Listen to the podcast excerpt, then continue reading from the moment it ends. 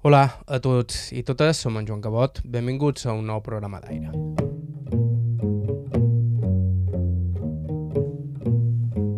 Poques persones han retratat la transformació de Palma entre els anys 60 i el canvi de segle amb la minuciositat i mirada de Joan Llompart Coll, conegut pel seu nom de guerra Torrelló, fotògraf en nòmina del Diari de Mallorca des del 1963 i fins que es va jubilar i testimoni, càmera en mà, de molts dels fets històrics que varen succeir durant aquestes dècades, des del judici a John Lennon i Yoko Ono al concert de Jimi Hendrix a la discoteca Sgt. Pepper's de Palma. Ell mateix ho diu, ha fet de tot, ha fet el que ha volgut i ha viscut tota mena d'experiències que ningú mai no hagués pogut preveure per un fill de pagès nascut a la soledat i que mai va destacar en els estudis. Un bon dia, però, va entrar de mosset a Casa Planes, la botiga de Josep Planes i Montanyà, al carrer Colón de Palma, i aquella decisió li canviaria la vida i a nosaltres ens regalaria algunes de les estampes més inoblidables del nostre periodisme en la segona meitat del segle XX. En el programa d'avui parlam en Torrelló. Esteu escoltant Aire a IB3 Ràdio, us parla Joan Cabot, començam.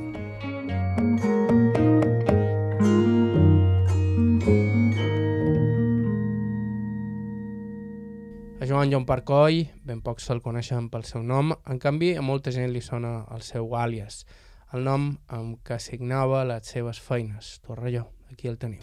Jo vaig néixer el dia 29 d'agost del 39 i me posaren en Joan Llompart Coll, I vares néixer a Palma. a, Son, a la Soledat, a la plaça de l'Iglesi. Vares néixer a casa mateix? Sí, sí, a casa, a casa. Som tres germans i totes han nascut a casa nostra. En què se dedicaven els teus pares? A fer feina en el camp, com a locos. I quan varen tenir, quan varen tenir nins, pues, la mamà se va dedicar a fer el que feien les mamàs en aquell temps, que era cuidar els nins i la casa i tenir dinar preparat per l'home quan venia de fer feina. El papà era de Muro i la mamà era d'Algaida. I tots dos van anar a fer feina una finca que se deia la Casa Blanca, bé, del poble de la Casa Blanca, i allà se conegueren. I la parellada més a prop que estava de la Casa Blanca tal vegada era la Soledat, com a, com a poble, com, com a parellada gran, no? I, i se quedaren i van anar a viure la Soledat. Com era la soledat quan eres petit? Un, un espectacle. La Soledat, cada any, per exemple, per Sant Joan, enllalenaven tots els carrers i tota la gent sortia en el carrer i feia un sopar, tots els veïnats en el carrer. I llavors hi havia un jurat que passava per tots els carrers i donava un premi en el carrer més guapo. Però això hi participava tota la bulla de la Soledat, no tota la gent.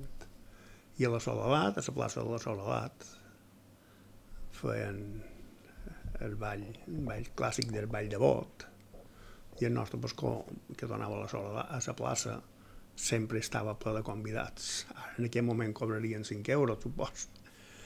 Però en aquell temps era el balcó. Hi havia dos balcons que donaven a la soledat. I això era la soledat. O sigui, en aquell temps, l'únic, l'única droga que hi havia que s'apareixia molt de la d'ara era la farina. O sigui, no hi havia res més a la soledat. Era un barri típicament obrer, a més. Totalment. Hi havia Can Salom, de les sabates Gorila, i hi havia una fàbrica de pells que allà van fer feines per part de matí hi havia tres botilles dos, tres cafès una merceria una peluqueria de dones i ja la peluqueria dels homes ja estava després de la carretera. Com eren els teus pares els meus pares eh, horrorosos en aquell temps jo era el que estava al mig el més petit li guanya de 5 anys i la més gran me guanya de 5 que jo. La més gran és una nina, és una, era una nina i el més petit era molt petit. O sigui, qui se duia totes les corretjades era jo. Eh, se suposa que devia ser un poc travieso, però eren... Jo sempre ho he, els he perdonat perquè he pensat que sempre era problema de dobbers, i problema de fam, i problema de... El 39 encara hi havia, encara hi havia fam de guerra. I sempre he pensat que era, el mat del culpable de tot això era que no hi havia. Jo dic sempre que vaig saber que havia passat fam quan vaig anar a passar un mes de vacances aquí al meu predins del Gaire allà me'n vaig donar compte de la fam que havia passat a la soledat perquè allà hi havia dues llesques de pa que feien 80 centímetres amb botifrón i sobrasada i llengonissa i, i panades i, allà vaig dir, ep, això, el mal de panxa que tenia no era que estava malalt era perquè tenia fam. I, i aquest mes de vacances jo tenia 7 o 8 anys. Me va fer un home ja. Vaig arribar a la soledat fet un jovenet. I li vaig dir a mama que, que no, no importava me donar pastilles quan va fer mal la panxa. Basta que me donàs bones llenties perquè nostre arròs i llenties en menjàvem cada dia. Eh, en el barri només hi havia tres o quatre famílies que, que, que ho passaven bé. Eh, el resta eren famílies d'obrers. Hi havia un policia, dos policies municipals, hi havia la botiga, una carnisseria, i els que eren amics dels fills de la carnisseria, com aquest cas jo, m'aprofitava molt, perquè a vegades la mare me deia, Joan, vens a dinar amb en Miquel a casa nostra. I això eh, era que me fotria un bistec, que era el primer bistec que menjava jo amb vuit anys però la resta de gent eren, diguéssim, que de la mateixa qualitat i qualitat i, i en quant a tot ves iguals. Tots els homes feien feina com a locos per guanyar 25 pessetes cada setmana. Això també devia marcar el caràcter de tot. Sí, però com que no havien conegut d'altre de caràcter, per això t'he jo que jo no sabia lo de la fam, no sabia si era mal de panxa, perquè, perquè me creixia l'estómac o, perquè, o perquè li faltava aliment. I, bé, no, no sé ningú si era l'únic que passava amb mal de panxa a la soledat. Però llavors et jugaves i se te passava. Però me'n record molt bé des, de les penjades de fam. Però bueno, com que no havies conegut el bistec, ni jamón york, ni, i altres moltes coses.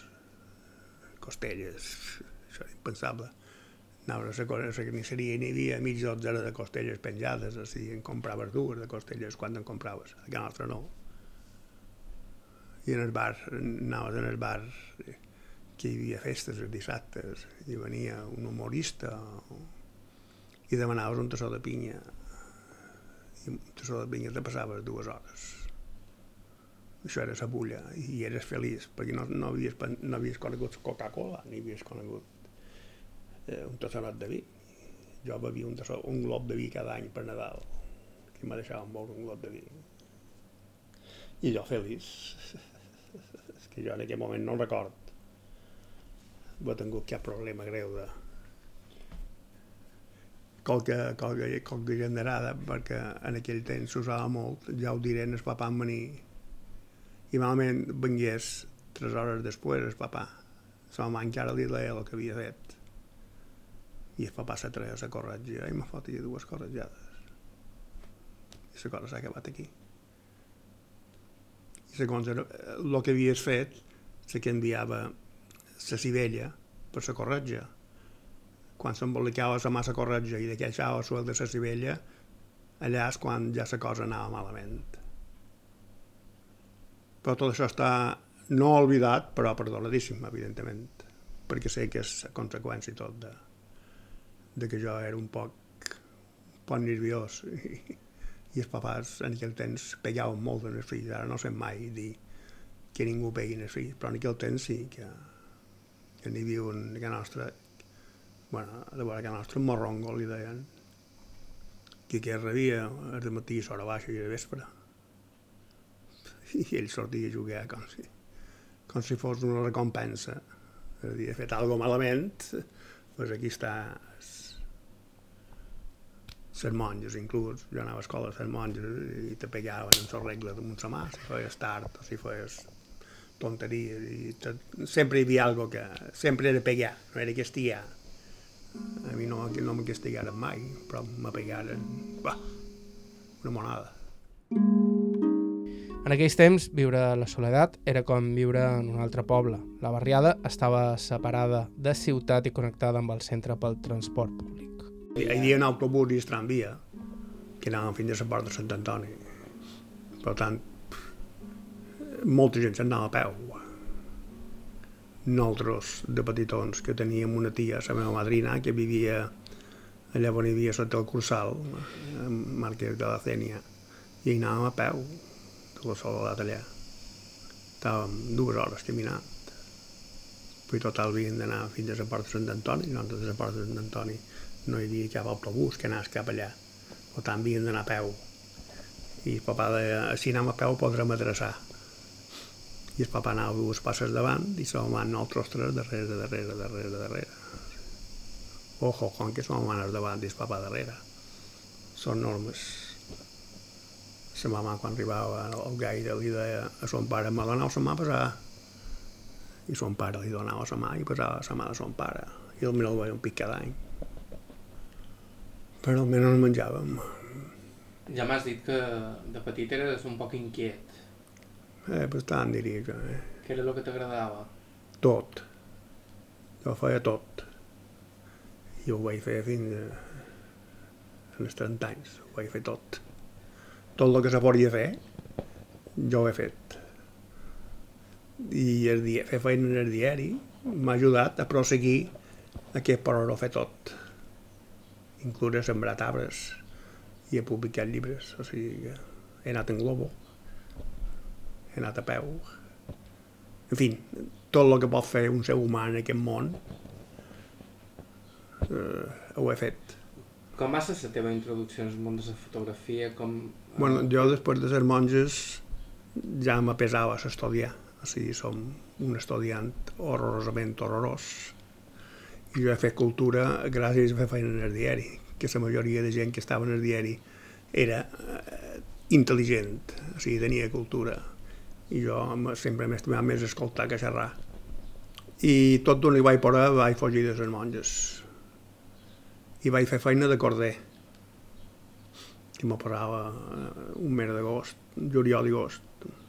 Allà on ara als Cants dels Baleares. Me parava a les 5 de matí que va a les 3 donant voltes a una roda i els corders feien la corda. I la mama s'aixecava al 5 de matí m'afregia unes patates amb un dels cinc panets que teníem de racionament i me feia un bocadillo de patates frites, que era una glòria.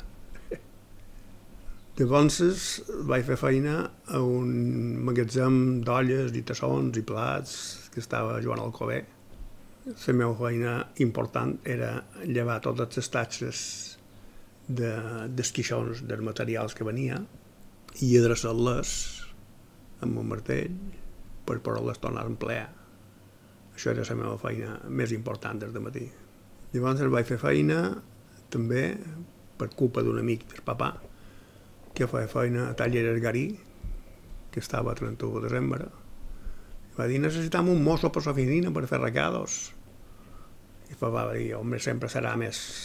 Taller Garí era el taller més important de Mallorca en aquell temps. Sempre estarà més bé aquí en el taller Garí que no llevant tatxes i posant tatxes. I un dia me van enviar a fer un recado a la plaça de Cort.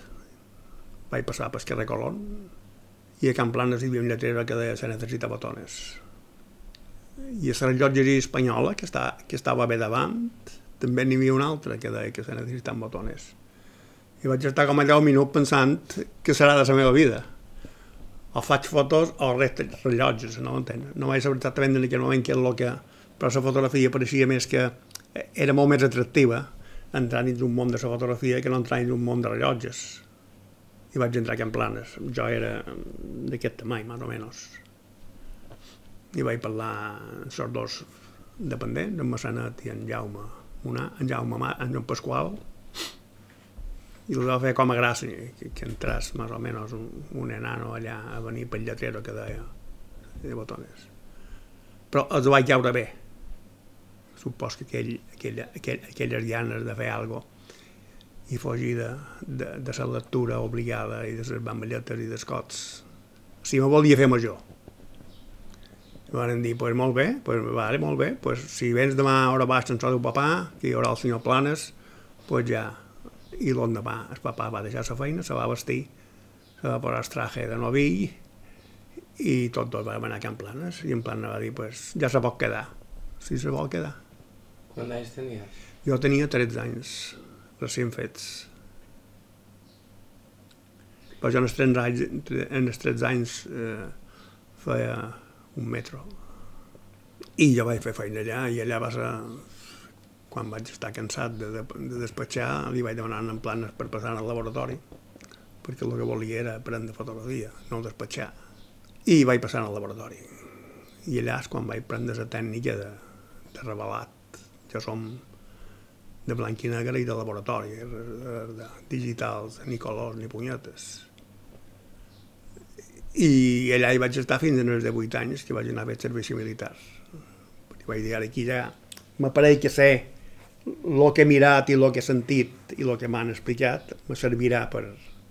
Però és un bon moment ara per llevar-me el servici de davant, més que no que me cridin en els 23 anys.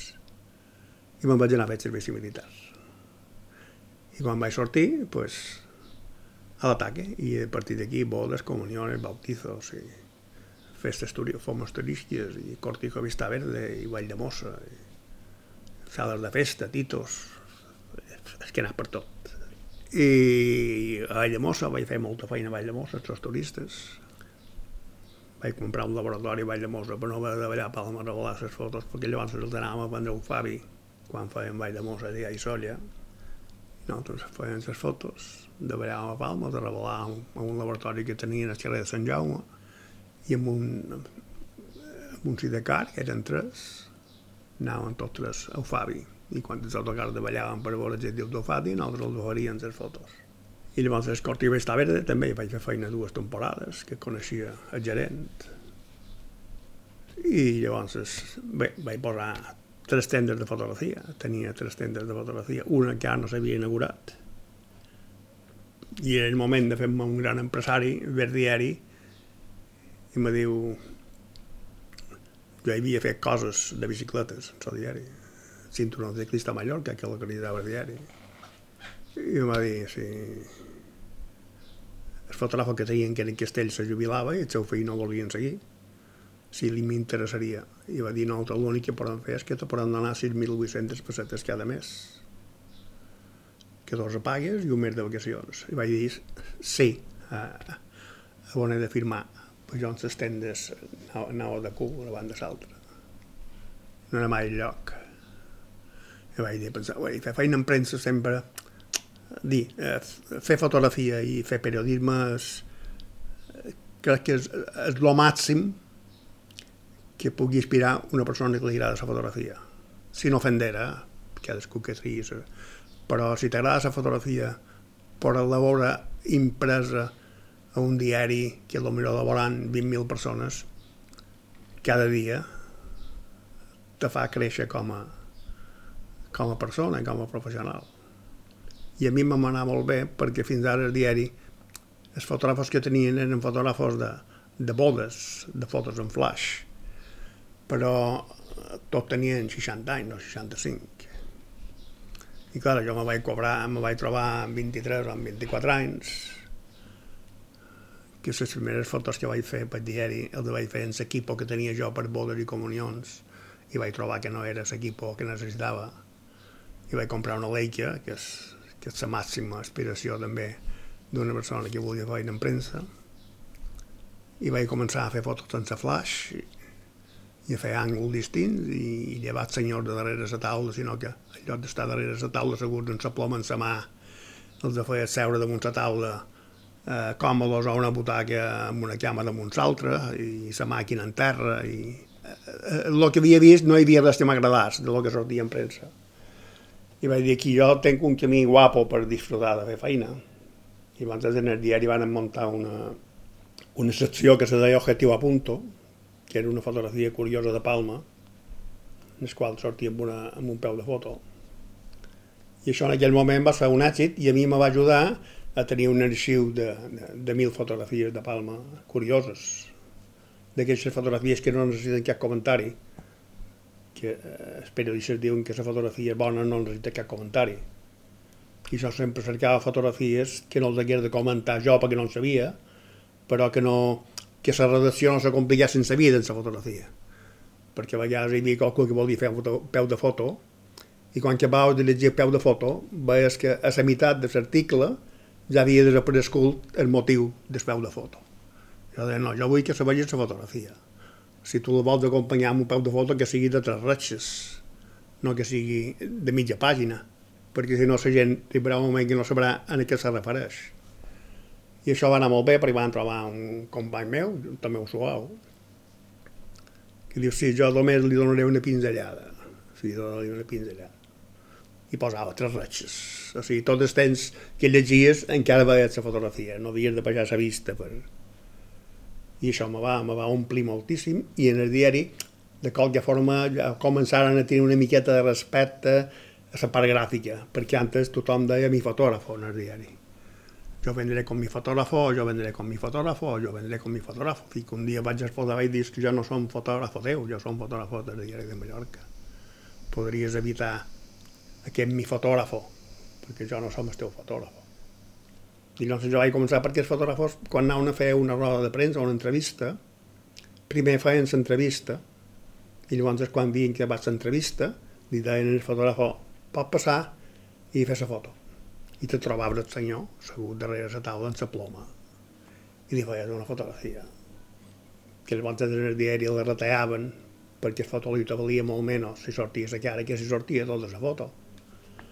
Això hi va haver una guerra també en direcció i... però centrant en el diari ha estat el que, el que m'ha fet un home a mi si és que puc presumir de, de lo que jo vulgui. Però és el que m'ha donat la possibilitat de, de que tu estiguis aquí ara, per exemple. I jo el que he fet no ho he fet mai seguint taxista o seguint rellotger o seguint dependent de la filadora, mai, la vida. No, no. Era Joan Joan Parcoi, Torrelló, nascut a Palma el 1939 i el nostre testimoni en el programa d'avui. Estau escoltant Aire i Betra Ràdio. Fem una breu pausa i continuem.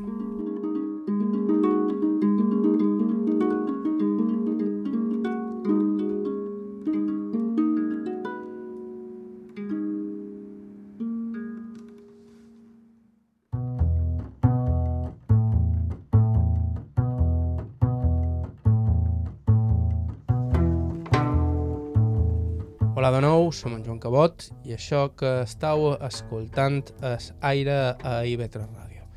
I avui nosaltres estem escoltant el testimoni vital de Joan Joan Parcoi, més conegut com a Torrelló, pel nom artístic amb què signava les seves fotografies. Un art que ell va aprendre treballant, com ha explicat a Casa Planes. En tot cas, ningú no li va ensenyar a fer res concret, tot ho va aprendre ell mirant i fixant-s'hi. I així tot, Joan Llompart sent una gran devoció per Josep Planes i Muntanyà. En Planes ha estat a mi eh, un, un, un pare professional, un pare professional i un segon pare. Però en Planes no m'ha ensenyat res a mi. En Planes no m'ha dit mai eh, per fer això ho has de fer així. El que sí que he fet jo, que he anat, he anat molt a temps amb en Planes, he estat a Barcelona i a Madrid, inclús amb en Planes fent postals. Però en Planes no m'ha dit mai com havia de fer les fotos el que sí vaig estar molt a damunt el que ell feia el que em feia en Pasqual, que en Pasqual era, diguéssim, el fotògraf que feia totes les fotos de Can Blanes. En Pasqual se dedicava a postals i vistes aèries, helicòpters, tot això. Però sempre m'he fixat moltíssim, inclús quan se rompia una màquina, que mos duien una màquina a reparar, jo la duia un rellotger en el Cové, en Rafael Alcobé, que estava de la catedral, i jo me passava dues o tres hores com arreglava la màquina, mirant quina peça llevava primer, quina peça llevava segon, com els deporrava, com els deporrava en borda, i jo en aquell moment, les màquines que he romput, antes els he desmuntades per veure si és una busca que tenen. Quan he dit que no era una busca, que necessitaven torn o que necessitaven una mà de metge de veres, l'he tornat a muntar. Però amb un ordre tan perfecte que no hi havia forma de, de que t'equivocasses. I això ho vaig vendre mirant. El Cove no va dir mai has de fer això, i has de fer això, i has de fer això. I jo amb en Pasqual, que anava a les bodes, ajuda-li a dur trípode i a dur la bossa, mirava perfectament com feia les fotos. Pasqual era un bon fotògraf. El 99% de bodes que se feien, ens feien Pasqual. Però en plan va ser el que me va apoyar sempre. Jo amb ell he anat, he corregut tot Mallorca, fent postals. I hem dinat plegats i hem dormit a hotels plegats i, en fi, he anat a dinar a casa seva un munt de vegades, no sé, és, és un senyor, per això, malament estigui el cel. Recordes la primera vegada que vas fer una foto? Sí, una, fer una foto bon, com a professional o... Mm, o pots dir les dues? Quina és més important per tu? Home, la més important és la primera que vaig fer per, per diari de Mallorca, que no me va sortir bé i la vaig repetir. Més normal que era una convenció que feien a Son Vida, que durava tot el dia perquè ja t'he dit en principi empleava una màquina 6x6 que la 6x6 té una distància focal molt curta o tant les vistes generals que havies de fer d'una taulada els primers te quedaven super desenfocats en fi, no era una màquina per fer una fotografia d'una taulada i em van dir vés a fer una fotografia d'una convenció de son vida però no me van dir que fos una taula que hi havia 33 trios si no jo hauria fet una màquina de 35 mil·límetres, ja està. Però jo volia donar un, un punt de qualitat a les primeres fotografies. I quan vaig revelar carreta, que era 6 per 6, de 12 fotos, en principi no te sortien totes de taula. I els primers de tots, de les taulades, te sortien totalment desenfocats. Perquè 6 per 6 s'enfoca allà on tu enfoques, no... Va, tu, a dir, vaig agafar la moto una altra vegada amb una màquina de 35 mil·límetres, amb un pot d'angular, i vaig repetir la foto. I ja va estar. I a la Soledat, les primeres fotos que vaig fer va ser d'una excursió. Cada any la Soledat feia una excursió amb un autocar, eh? tots els que s'apuntaven, i anàvem a Vall de Mossa de Solla, o anàvem a Portbunyent, o anàvem a... En fi... I van dir, Joan, i per què no dus la maquineta i, i fas fotos, un parell de fotos? i vaig demanar en planes i em va deixar una màquina horrorosa una màquina 4x6 que feia 16 fotos però si anaven molt alerta i no, si no es pitjaves molt te quedaven bé perquè en negatiu era gros. I vaig fer 16 fotos. I els vaig vendre a una passeta i vaig fer vaig guanyar de 25 pessetes i el pròxim any ja me van deixar una càmera de 35 mil·límetres, de 36 fotos, i aquí ja me vaig inflar a fer fotografies, perquè no existia això de dur dos carretes. Encara ara jo quan vaig jubilar només duia un carrete sempre. I, i vaig fer, van anar a Pollans, a Pollans i Formentó, i ja tothom me demanava fotos. Un grup de quatre, un grup de quatre. Ara amb una foto aquí, eh, vaig fer un llibre que se diu 50 anys, anys 50 a la soledat, de totes aquestes fotos. I vaig guanyar una fortuna el segon any. Per si per alguna cosa és conegut Torrelló avui dia, probablement sigui per l'arxiu que amb els anys ha anat acumulant de fotografies de carrer, arxiu que retrata la vida quotidiana d'una ciutat, Palma, que va viure entre finals dels 60 i els 90 una transformació radical. Sí, és que en aquella època teníem un, un redactor jefe, en Gaspar Sabater, que mirava la llista de feines i em deia, Joan, aquí no hi ha res que fer avui oficial. Com me deia? Fer palma o... No, vés a fer un pot de calle, me deia. I jo agafava la màquina i m'anava. M'anava, jo què sé, m'anava a voltes i hi ha molta gent que, que mira, però no veu. I jo amb això tenia un avantatge damunt molta gent, que és que veia, no solament mirava, sinó que veia. I moltes vegades jo feia una fotografia, que en aquell temps hi ha una fotografia d'una senyora, d'una turista que es pitja un biscúter a la plaça de, de les Tortugues i possiblement hi ha una foto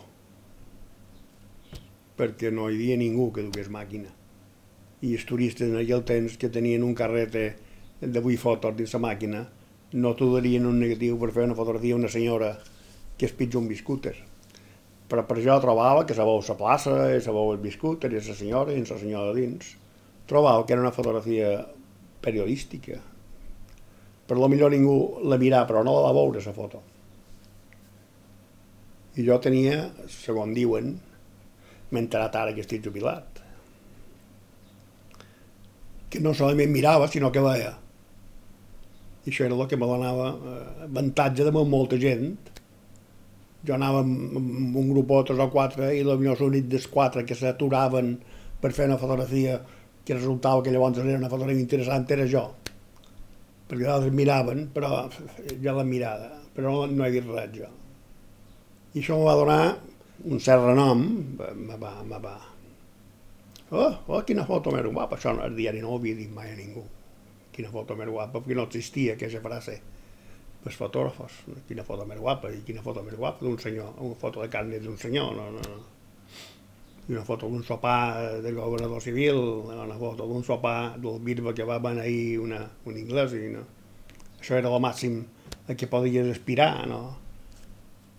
I es, s'obri aquest espai de fotografia periodística no necessàriament comentada, va començar a despertar gusanillo de molts que estaven a la redacció feia 50 anys i que no havien tingut possibilitat de, de veure una fotografia que no coneixien ells, que ni siquiera sabien que existís qualcú que fos capaç de, de captar aquella imatge que ningú, que ningú li feia ni puta cas. I això me va, me va fer un homenat, això, a dins fotografia. Eren uns anys en què Palma estava canviant radicalment estava canviant molt. Jo tinc la sensació que va retratar com aquella, aquell canvi. Sí, jo, eh, clar, és que això és com quan dius vols una família i vols un nebot teu i el vols un pic cada any i trobes que el nin ha crescut molt.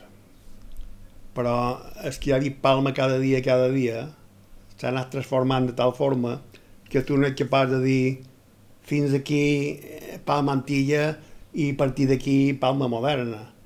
És a dir, en aquell moment eh, jo record quan hi havia un bar, un restaurant molt famós que estava al costat del bar Bosch, eh, eh, que era Can Tomeu, m'ha pareix, que llavors va passar a Mallorquí, i sense manament el llevaren al restaurant i van fer una finca. El bar Bosch no tenia taules a de fora, era, era un bar, era un baret, que entraves i prenies un cafè i t'anaves Llavors, quan van fer la reforma de, de les tortugues i tot això, i tallaren una part del bon de circulació, van fer una cera més grossa, com que hi van fer una cera en el bar bosc, perquè per les taules. Però això ho veus cada dia, cada dia, cada dia, cada dia, cada dia, que no te'n van donar compte del canvi. Jo no me n'he donat compte del canvi, no m'ha no no afectat el canvi. M'ha afectat si vas a Palma ara, però si és que va a Palma cada dia, cada dia, cada dia, cada dia, quan que vol pujar la cera un centímetre cada dia, no se'n dona compte si quan ja han pujat un metro, perquè ho ha viscut diari. I jo a Palma no m'agrada ara perquè a Palma hi vaig un pic cada mes. I faig una llista de coses que he de fer per no haver de tornar. I abans com decidies per on li prenies? Ah, no, no, no fent voltes. Jo sempre tenia una ruta, eh, el Born, eh, la Rambla, Tortugues, el moll, per exemple, hi havia una època de playa que era març o abril, setembre, octubre, en el qual hi ha fotos autènticament precioses. Que veus una senyora en biquini i veus un tio amb un traje negre, amb un cabell que per ni se cruzen, per exemple. I això ho veus quan hi ha un, un canvi de temps, que hi ha una persona, jo tenc fotografies, de senyores en biquini passejant per la playa que se cruzen amb un senyor amb un capell amb un traje negre, coses d'aquestes. I això ho cercava. I llavors també sempre tenia mania de si veia en aquell un tio que tingués, jo que sé, una melena llarga, pues el perseguies. Llavors, si se cruzaria amb un calvo, per exemple. I si se cruzava amb un calvo, ja hi havia una fotografia de contrast. O una monja que se cruzava amb un capellà, fent fotografies aquestes. O... Hi havia molt que cercar, si tenies temps. I això també per, per, per, per, per principal i, i per la plaça Major i per Cort, Sant Miquel, plaça Olivar, aquesta zona que hi ha gent, antes no n'hi havia tanta, però sempre hi havia la possibilitat de, de poder contrastar la fotografia, de dir, cony, quina sorpresa, cony, com t'has trobat. Cal recordar també que en aquells anys el periodisme no tenia res a veure amb el que és avui dia. Quasi no hi havia rodes de premsa ni comunicats i els periodistes sortien al carrer a cercar notícies. Antes no hi havia rodes de premsa. O sigui, no hi havia rodes de premsa. O sigui, el governador civil no donava rodes de premsa i el BIRBA no donava rodes de premsa. I si el BIRBA i, i el govern civil, estic parlant de l'estat d'en Franco, no donaven rodes de premsa, no en donava ningú. No hi havia partits polítics que donessin rodes de premsa. Ah, no solament tenia 200 de partits polítics, sinó que hi ha 200 gabinets de premsa. Per tant, aquests el que els interessa és que hi hagi una roda de premsa cada 5 minuts. I, a més, eh, t'envien una foto i s'escrit i el t'envien en, el, en el teu correu electrònic. O sigui, el diari ara m'apareix inclús hi ha molta gent que fa feina de casa seva. I si ja van al diari. No sé què hagi quedat amb un senyor per fer-li una entrevista. Es fotògrafa fa dues fotos fotògrafa si els revola en el diari i quan els revola els tracten en el diari. Però en el diari no, crec que hi hagi cap periodista que faci res que se passegi per Palma perquè hi ha tant de font d'ingressos que tu omplen les pàgines de notícies. La policia local fa fotos la policia nacional fa fotos els bomberos fan fotos el Ibanaz fa fotos els partits polítics fan fotos. Vaig dir un company meu periodista gràfic del diari vaig dir arribarà un moment que vosaltres no importarà que aneu al lloc teniu una saleta a rebre totes les fotografies que vos envien. Quan arriben a un aconteixement, a un, a un accident, ja els bomberos i la policia municipal i la policia local i la Guàrdia Civil ja fa fotos de l'aconteixement, in situ. I quan tu arribes, ja, ja el diari ja té 10 o 12 fotografies de l'aconteixement. Però el diari el que vol és omplir, és omplir una pàgina que té amb una fotografia dues i la fotografia que publica si se veu el foc millor que se vegi el bombero quan aplegui la manguera.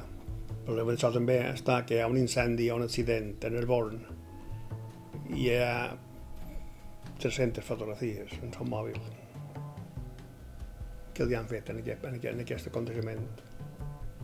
Per tant, ja s'han acabat, ja s'han acabat les exclusives, com antes deia, joder, quina exclusiva que tinc. Ara s'han acabat, perquè no saps, no saps quanta gent ha fet un disparo o un vídeo de lo que tu has arribat tard o has arribat prest. Com era la redacció del diari llavors? La redacció? bueno, jo n'he conegudes... Jo vaig entrar a Via Roma, a Via Roma, en principi, el diari començava a les 5 de l'hora baixa. Per això acabava a les 5 del matí.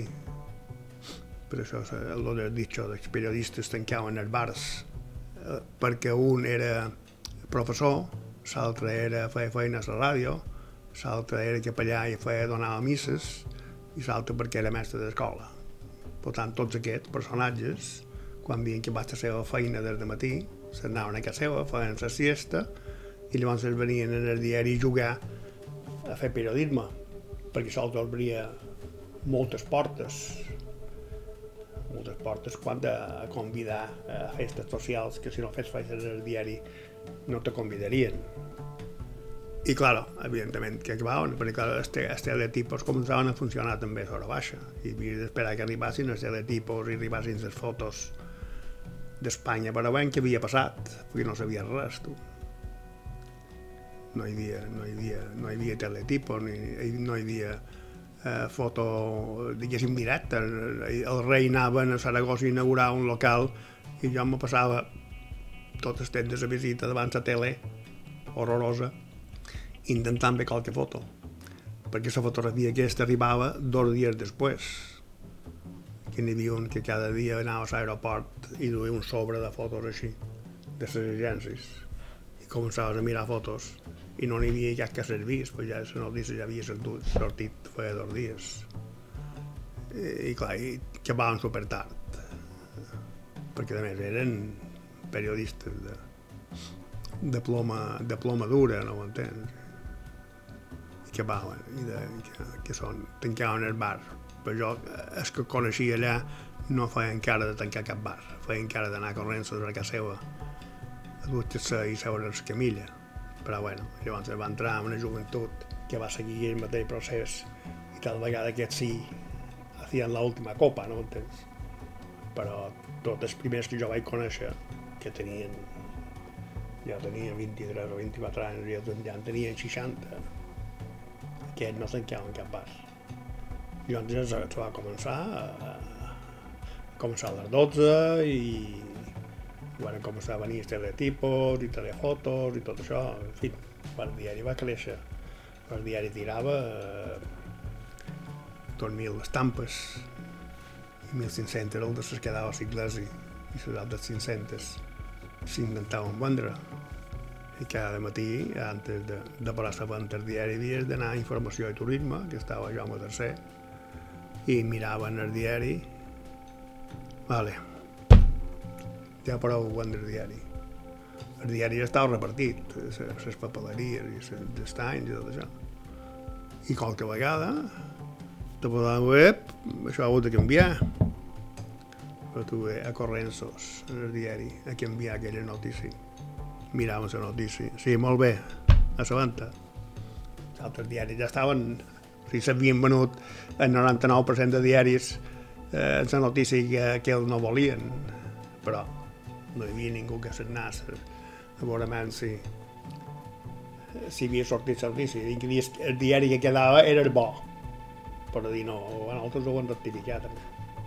Ara que s'han venut, fixa't tu, de tonteria. I vas començar a Via Roma, després on va passar? De, de Via Roma va passar que era Bonaire. Va entrar Antoni Alemany de director, amb, una, amb unes idees claríssimes. Antoni Alemany per jo ha estat un, un gran director i un gran amic. I, i llavors van passar a Puerto Rico, allà al Polígon de Llevant. Que allò van passar en el Polígon de Llevant, que va ser, que va ser l'hòstia. Però a Bonaire que era Conflent, concretament. Allà va ser perquè en el carrer de a Via Roma era un, un xiringuito allò. Era per fer un diari de, de poble petit. Jo quan, quan va entrar Escoló va entrar Escoló en, en una altra classe de feina, amb una altra idea de feina, amb una idea de fer 10 fotos d'un aconteixement que antes havien publicat una fotografia. Per tant, aquí ja no tenien massa temps per anar a passejar per Palma. Aquí ja tenies una llista de feina en la qual potser hi havia una foto a les 11, dues a les 12, una a la 1, una a les dues i mitja, una roda de premsa a les 4 i quart i, un, i, una, i una roda de premsa a les 8 i mitja del vespre. I ja no tenies temps més que fer fotos, revelar i entregar aquí se va perdre el que podrien dir el romanticisme de, de cercar fotografies. Ja no hi havia temps per cercar fotografies. El d'escolor no ho podies tratar, no ho podies revelar, no, no, podries, no podries manejar al laboratori, no podries revelar. Jo treballava en paper suave, en paper dur, en paper contrastat, en paper normal, en revelador més, més, més, més petit, més gros, més suave, més contra... En fi, de qualque forma creaves la foto dins el laboratori van matar Escoló, això ho va matar tot. se va perdre el romanticisme i les ganes de fer fotos. I llavors en el digital, que jo no havia vist digital en la meva vida.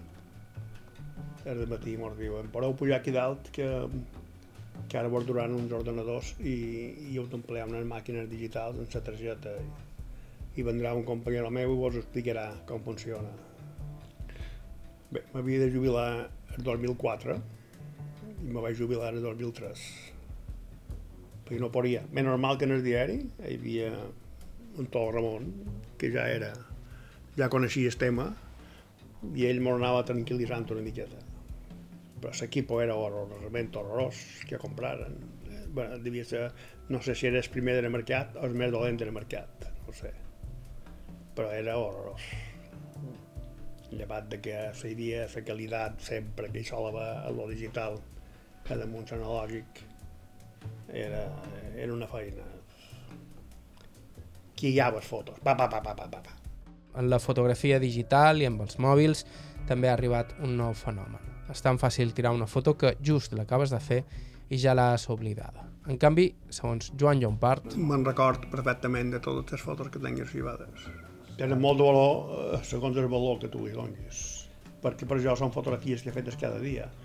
És la gent i els llibres que he fet i l'opinió de la gent és que donen valor en el material que jo he fet, però jo no som conscient en absolut de, de, de si el que he fet és l'hòstia o si el que he fet són simplement un disparo.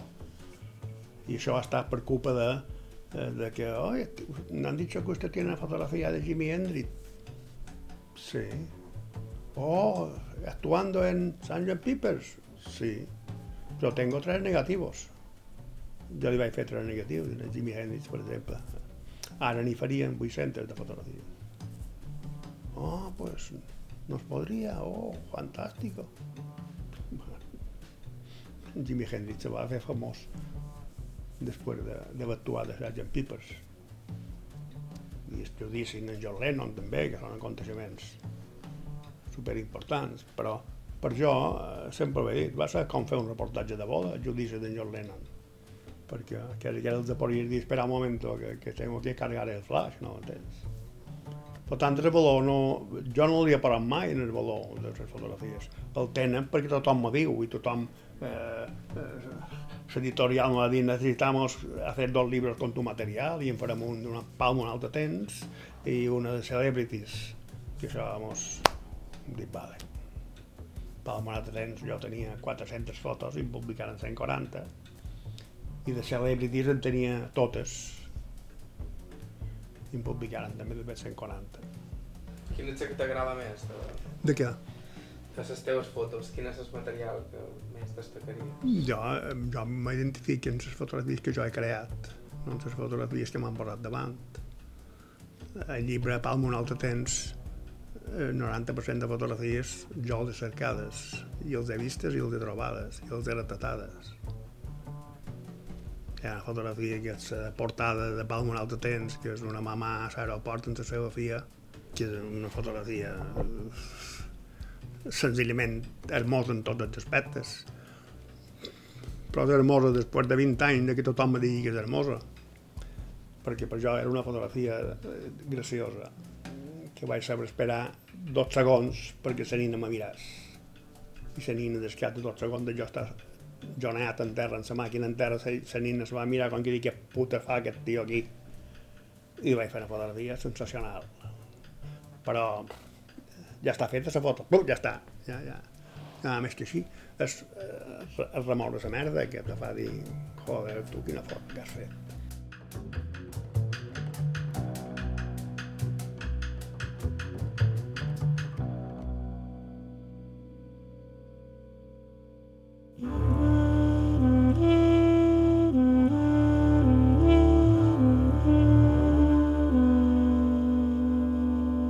Aquí el programa d'avui. Gràcies a Torrelló, Joan Joan Parcoll, pel seu temps i amabilitat i a l'editorial Dolmen per fer-nos arribar una còpia del seu darrer llibre. Sempre estem cercant testimonis, així que si teniu alguna proposta o suggeriment, ens podeu escriure a aire.ivetresradio.com aire.ivetresradio.com La millor manera de no perdre's cap dels nostres programes és subscriure's al nostre podcast a qualsevol dels agregadors disponibles i a ib3.org barra carta trobareu tot l'arxiu del programa. La música que feim servir habitualment és de Joshua Abrams, Marisa Anderson amb Jim White, Oren amb Archie, amb Johan Bertling i Andreas Ferlin i Charles Rumbach. Bàrbara Ferrer a la producció executiva, vos ha parlat Joan Cabot, Gràcies per ser a l'altre costat i fins la setmana que ve.